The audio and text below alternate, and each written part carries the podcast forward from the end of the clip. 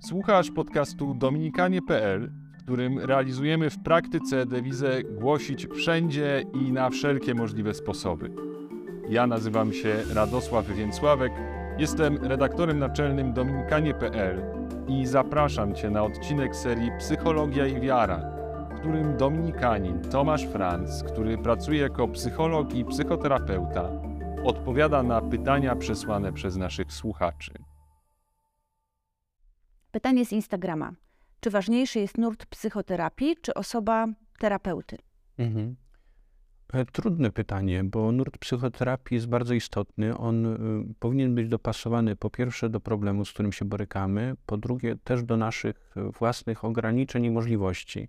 Czasem na przykład nurt terapii psychodynamicznej czy psychoanalitycznej jest bardzo istotny i ważny dla długoterminowych problemów, głębokich problemów, związkowych, interpersonalnych problemów, y, ale powinien on być skierowany do osób, które mają zdolności wglądowe, możliwości długiego czasu pracy nad sobą, y, potrafią zadawać sobie pytanie o swoje wnętrze. I to jest skierowane do tej osoby. Ale czasem problemy, chociażby związane na przykład z jakimś konkretnym bólem, czy objawem, czy niepokojem, lękiem, może stanem depresyjnym, mogą być leczone w nurcie behawioralno-poznawczym, który jest związany właśnie z jakimś zadaniowością osoby, chęcią y, szukania odpowiedzi u swojego terapeuty. Psychoanalityk na przykład nigdy nie zaspokoi ciekawości swojego pacjenta, ale terapeuta pracujący w nurcie integratywnym czy behawioralno-poznawczym może odpowiadać na pytania, może zadawać zadania tak zwane domowe do przepracowania między sesjami. I to jest ten ważny moment rozpoznania tego, jaki mam problem i jaką mam swoją osobistą kondycję, i chęć, na ile chcę wgłębiać się w, swoje, w swoją historię życia, w swoje, w, swoją, w swoje myśli, w swoje uczucia, bo to też jest związane z nurtem. Osoba terapeuty z kolei jest bardzo ważna, może powinna być raczej w tym nurcie psychoanalityczno-psychodynamicznym pewnego rodzaju drugoplanowa, ponieważ terapeuta tam służy raczej swoją własną refleksją, myślami, oczywiście wiedzą, którą posiada, ale jest takim lustrem dla nieświadomych fantazji, konfliktów pacjenta, powinien być y, bardziej testowany czy sprawdzany w oparciu o kwalifikacje, czyli właśnie nie wiem, certyfikaty, dyplomy, porządne szkolenia, y, bycie uznanym w środowisku czy znanym w środowisku. Natomiast jego cechy osobiste, czy jego życie, czy jego światopogląd są raczej długoplan, długo, drugoplanowe. To znaczy nie powinny być y, brane jako, jako istotne. Czasem szukamy takiego wsparcia, daje nam to poczucie bezpieczeństwa, jeśli wiemy, że ktoś, nie wiem, ma rodzinę albo ma ten sam system wartości, światopogląd, nie wiem, jest osobą wierzącą. Czasem to pomaga pacjentowi, a czasem to wręcz przeszkadza pacjentowi, bo jeśli na przykład terapeuta jest osobą wierzącą i wiemy o tym, i my jesteśmy wierzący, to mamy takie założenie, często fałszywe, że rozumiemy się bez słów. Może warto pójść do terapeuty, o którym nie wiemy, że jest wierzący, i będzie zadało nam trudne pytanie o naszą wiarę, za którą z kolei mogą się ukrywać nasze deficyty emocjonalno-psychiczne. Więc to jest zawsze, terapia jest zawsze wyzwaniem, przygodą i tak, z, takim, z taką ciekawością bym na nią patrzył, a nie tylko jako właśnie taki obszar lęku czy, czy jakiegoś, nie wiem, przygotowania się do walki, do wojny.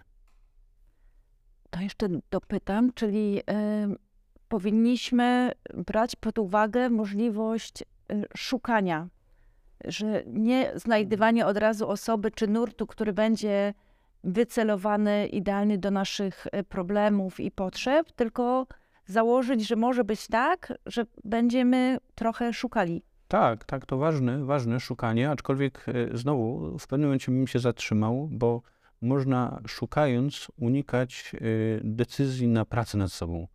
Natomiast szukanie jest bardzo istotne. Zawsze przed rozpoczęciem terapii są tak zwane konsultacje, w których to jest właśnie ten moment szukania istotny, zadawanie sobie pytań, czy ta osoba, czy ta metoda, czy to daje mi jakąś większą, głębszą refleksję po wyjściu z gabinetu, czy umacnia mnie w jakimś stopniu, a może mnie też e, nie wahałbym się tutaj nie bałbym się słowa rozbija, bo rozbicie, poczucie się źle w terapii jest też na miejscu. Znaczy, to jest jakieś wyjście poza swoje schematy, utarte, jakiś komfort strefę bezpieczeństwa. Ale tak jak pani mówi, szukanie, zadawanie pytań, yy, sprawdzanie, może nawet, y, bym powiedział, szukanie u znajomych i podpytywanie ich, czy znają jakiegoś terapeuty godnego zaufania, jest całkowicie naturalne i nigdy nie powinno mm, być pominięte. Raczej bym powiedział o pewnym braku roztropności, jeśli ktoś po prostu idzie bezrefleksyjnie, powierza swoje życie komuś, kto nie jest sprawdzony. Pytanie od pani Magdaleny przesłane e-mailem. Jak powinna i czy powinna spowiadać się osoba w głębokiej depresji z myśli czy prób samobójczych?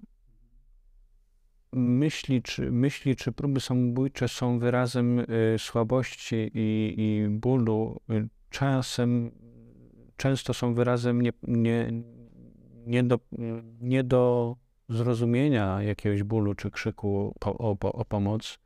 Trudno je nazwać grzechem, samym sobie, no bo trudno sobie wyobrazić, że ktoś w pełni świadomie y, uderza w swoje życie, czy chce się go pozbawić, bo życie jest czymś najcenniejszym, co w sobie posiadamy. Więc po pierwsze, z kategorii moralnej one nie są grzechem. O wiele bardziej taką dygresję zrobię. Powinniśmy się martwić zabijaniem na raty w postaci różnego rodzaju niedbania o swoje zdrowie. To tylko taka dygresja. Natomiast tutaj myślę, że ta osoba, która ma myśli samobójcze, próby samobójcze, nie tyle musi się z nich spowiadać, co może szukać w spowiedzi dodatkowej siły, powierzenia siebie, oddania tego Panu Bogu, e, usłyszenie tego przez spowiednika, przez drugą osobę, jako też bólu swojego własnego. Może czasem też jakiejś ludzkiej porady ze strony spowiednika, zachęty do szukania pomocy, e, może jakieś e, dodania siły do szukania tej pomocy żeby nie być samemu w tych myślach samobójczych, nie być samemu w jakichś próbach samobójczych. Najgorsze, co może się nam zdarzyć, to bycie samemu.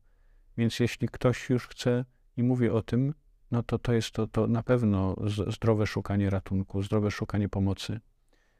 I bym to docenił w sobie, że jestem w stanie o tym powiedzieć spowiednikowi, ale nie dokładałbym jeszcze sobie dodatkowo jakiejś takiej negatywnej myśli, że jeszcze powinienem siebie siebie tutaj dobić e, e, e, i, i dodatkowo skarżyć. Jest to wystarczający ból nieradzenia sobie, jeśli ktoś ma takie myśli czy, czy próby.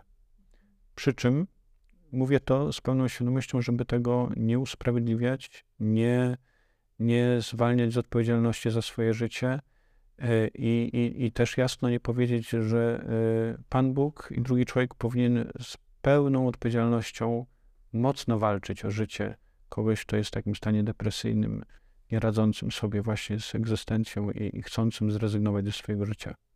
Każdy z nas powinien o taką osobę zawalczyć. Chciałabym dopytać, czy nie, nie, nie jest wprost jakby związane z tym pytaniem, ale jakoś tak mi się nasuwa, że jeżeli już dojdzie do tego samobójstwa, czy taka osoba jest jakby skreślona, wiadomo, że Pan Bóg ma wolność jakby w, ty, w tym, co, co z nami po tej śmierci będzie, ale często jednak jako osoby wierzące mamy takie myślenie, że to samobójstwo zamyka drogę do nieba, e, czy bardzo ją utrudnia. To znaczy, nie, nie jest e, nikt, jeśli dojdzie do, do, do, skutecznego samobójstwa, to zawsze jest to akt taki, bym powiedział, e, maksymalnej, maksymalnego smutku i rozpaczy. E, i, i, i rezygnacji z życia, myślę, że, że Pan Bóg sobie z tym radzi, bo patrzy na nasze życie w całości egzystencji, nie tylko w tym momencie, który nas tak zapędził w kozi róg, że jesteśmy w stanie się targnąć na swoje życie. Zdecydowanie w większości próby samobójcze, które kończą się samobójstwem, są wcześniejszym, dużo wcześniejszym wołaniem o pomoc, ale na przykład nie byciem wysłuchanym przez środowisko. Nawet jeśli są demonstracją czegoś, to na pewno jest to wcześniej nieusłyszany apel o demonstrowanie czegoś w swoim życiu. Więc, więc nie zwalniałbym tu z odpowiedzialności osoby, która popełnia samobójstwo, ale bym też bardzo mocno też pokazał odpowiedzialność środowiska tej osoby. Nie na zasadzie obwiniania się, bo na pewno to nie jest dobra droga e, i na pewno rodzice nie powinni szukać w sobie jakiejś winy czy obwiniania się, rodzice takiej osoby czy krewni, ra, raczej naturalnie będą pytali się, co się stało, czego nie widzieliśmy, na, na co nie zwróciliśmy uwagi. To są naturalne pytania, ale tak naprawdę nikt nie zna wnętrza człowieka, który się targa na swoje życie, bo gdybyśmy wiedzieli, to byśmy zareagowali. Samobójstwo jest aktem rozpaczy, aktem, e, no bym powiedział, chorobowym, który sprawia, że mam zamkniętą perspektywę na inne rozwiązania i wychodzi tylko ta związana z targnięciem się swoje życia. Może czasem, na, na życie może być czasem aktem brawury, ale to też jest chorobowy stan bycia w jakiejś adrenalinie, brawurze, w jakimś manii, prawda? Więc y, no, wracając do, do, do, do, do Kościół na szczęście też, do pytania, Kościół na szczęście też podjął taką refleksję z biegiem lat i y, ten obrazowy sposób chowania samobójców, grzebania ich, nie wiem, pod murem kościelnym, on był raczej w społecznym wymiarze ważny dla społeczności lokalnej, mówiącej, tak nie powinno się kończyć swojego życia. Ale na pewno y, Pan Bóg ma szersze spojrzenie na nasze życie i myślę, że nie jest związany tylko i wyłącznie z tym jednym aktem targnięcia się na nie. Czyli tak Przy naprawdę... czym nie usprawiedliwiałbym w żaden sposób z punktu widzenia człowieka e, czy wiary czynu samobójczego. Zawsze on będzie czynem wewnętrznie złym z powodu odebrania sobie życia, ale powody, przyczyny, dlaczego, to zawsze będzie tajemnicą wymagającą wnikliwości, miłości, wrażliwości tajemnicą i też nadzieją i wiarą dla osób pozostających, tak naprawdę tych bliskich tej osoby, która targnęła się na swoje życie, że nie jest to jednoznaczne ze skreśleniem tej osoby i, i tym życiem wiecznym. Oczywiście nie jest to jednoznaczne skreślenie, y, nie wiem, z życia wiecznego, absolutnie nie. I tutaj osoby żyjące powinny mieć tą nadzieję cały czas w Panu Bogu i cały czas ta osoba jest świętej pamięci, a nie jest anonimowa dla Pana Boga czy dla wspólnoty Kościoła. Ale też myślę, że to jest ważne, żeby te osoby, y, krewni osób, które popełnili samobójstwo, zrozumiały, że one nie, nie są skreślonymi osobami, nie, że nie, nie godzi się, żeby one żyły w cieniu tej, tej, tej, tej, tej próby czy tego samobójstwa, że, że warto, żeby też przyjęły miłosierdzie i też sobie przebaczyły, chociaż jest to bardzo trudne, ale wymaga to też wsparcia społecznego i takiej y, pomocy otoczenia, żeby żeby pomóc tym bardzo zranionym takim doświadczeniem samobójstwa również się podźwignąć z tego. Pytanie z Instagrama. Czy przy dużym stresie dobrym pomysłem jest wspomaganie się ziołowymi lekami, herbatkami, suplementami? Jeżeli tak, to jak powinna wyglądać droga prowadząca do odejścia od takich środków i przejścia jedynie do polegania na Bogu w tych ciężkich chwilach? Czy po pierwsze myślę, że jedno drugiego nie wyklucza, można się wspomagać ziołowymi preparatami, aczkolwiek bardzo bym uwrażliwiał na to, czy one nie będą w pewnym sensie szkodliwe, bo mogą nam dawać ułudę radzenia sobie z sytuacjami stresowymi, którymi, nad którymi moglibyśmy popracować w psychoterapii, czy czasem nawet w pomocy takiej farmakoterapeutycznej. Warto to rozważyć. Nie mówię, że jest to niezbędne w tej sytuacji akurat szczegółowo, ale jeśli zioła pomagają i melisa pomaga, chociaż są różne stosunki do melisy, e, myślenia o niej, to dlaczego nie? To jest pierwsza. Natomiast czy przejść, czy jedno porzucić ze względu na Pana Boga, wydaje mi się, że to nie jest konkurencyjne, że modlitwa zawsze jest formą sprawiającą otuchę duchową, szczególnie ta modlitwa medytacyjna, refleksyjna. Zresztą wiele metod relaksacyjnych w psychologii medytacji wzięło początek z doświadczeń mnichów, którzy uprawiali medytację, czy, czy których ciało uspokajało się pod wpływem modlitwy. Więc na pewno warto to, to, to zastosować, połączyć ze sobą. Przy czym y, tutaj nie ma tego w pytaniu, ale ważnym jest pytanie o jakość stresu. Jeśli jest to przewlekły stres, który jest związany z jakimś ekspozycją na stresujące bodźce, to warto przemyśleć, czy nie zmienić okoliczności przeżywania tego stresu, bo on niestety zostawia druzgocące ślady w naszym organizmie i, i, takie pustoszące biologiczne wnętrze naszego organizmu. To jest ważna rzecz. Jeśli to jest stres sytuacyjny, to znowu pytanie, czy nie popracować nad z kimś neutralnie nastawionym do tego psychologiem, terapeutą, nad tymi sytuacjami stresującymi. Dlaczego na przykład mnie to tak mocno obciąża, a może innej osoby to nie obciążało, może jestem zbyt wrażliwą osobą, dlaczego moje wnętrze jest tak eksponowane na stres, to wszystko wymaga bardzo rzetelnej diagnozy. Pytanie z Instagrama. Jak wygląda czyściec i co tam się dzieje?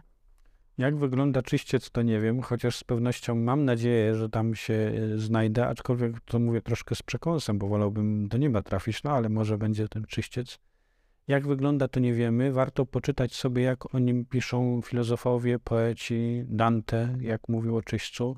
To jest proces, też mistycy mówią, że to jest proces oczyszczania, proces y, oczyszczanie nas z egoizmu, proces oczyszczania nas z tego wszystkiego, co jest nieuporządkowane w miłości do Boga i do bliźniego, a co się w nas zakorzeniło jako taką specyficzna miłość do siebie samego, która eliminowała Boga, eliminowała bliźniego.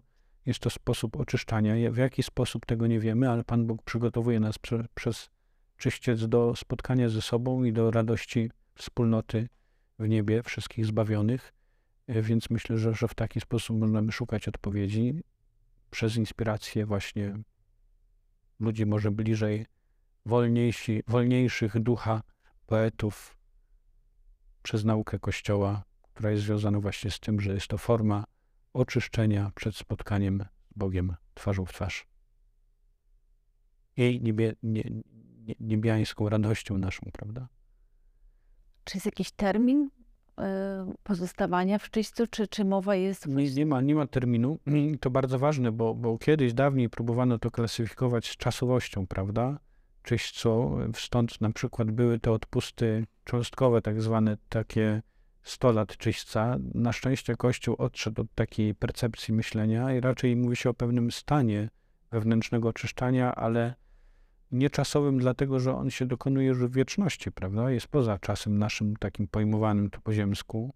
Może to, to jakoś jest dla nas ocalające, bo gdybyśmy mieli trochę jak to anglosaskie kraje, zwyczaj e, osądzania czy karania tysiąc lat w więzieniu, no to, to, to, to ci anglosasy sobie radzą w ten sposób, może dają możliwość odpokutowania za czyny tu już na ziemi, tym osadzonym, których skazują na 300 lat więzienia, prawda, mimo że życie ludzkie tyle nie trwa.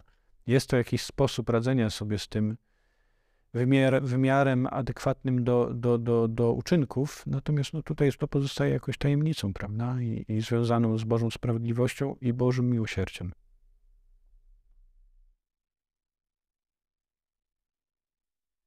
Ta seria nie powstałaby bez wsparcia patronów. Dziękujemy.